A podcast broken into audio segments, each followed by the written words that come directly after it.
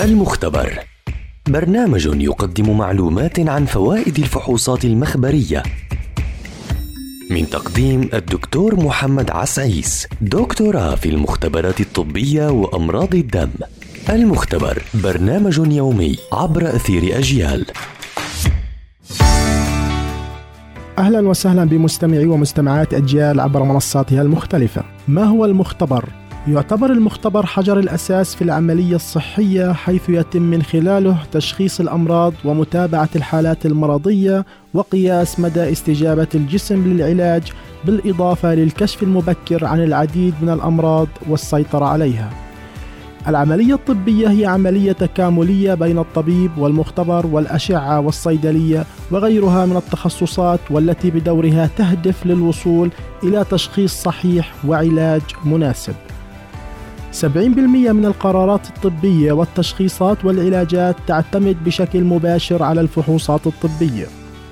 يتكون المختبر من عدة أقسام أهمها قسم الفحوصات الروتينية حيث يتم في داخل هذا القسم إجراء الفحوصات الروتينية مثل فحوصات البول والبراز وسوائل الجسم المختلفة. قسم أمراض الدم والنزيف حيث يشمل على أجهزة تمكننا من إجراء فحوصات الدم المختلفة مثل قوة الدم وفحوصات السيولة والتميع وفحوصات الالتهابات وغيرها. قسم الكيمياء الحيوية والسريرية حيث يتم في داخل هذا القسم إجراء جميع الفحوصات مثل وظائف الجسم وفحوصات الكلى والكبد والبنكرياس والدهون والسكري وغيرها. قسم زراعة البكتيريا والفطريات حيث يتم في هذا القسم الكشف عن مسببات الأمراض المختلفة وتحديدا البكتيريا والفطريات وعزلها وتحديد أفضل المضادات الحيوية لها. قسم الفحوصات الهرمونية والخاصة حيث يتم في هذا القسم إجراء فحوصات الغدد والهرمونات والفيتامينات بالإضافة إلى فحوصات الوسمات السرطانية.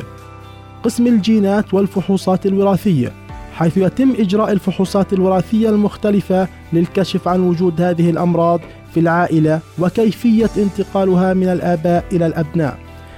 استنونا في حلقة جديدة عن فحص ومعلومة جديدة دمتم بصحة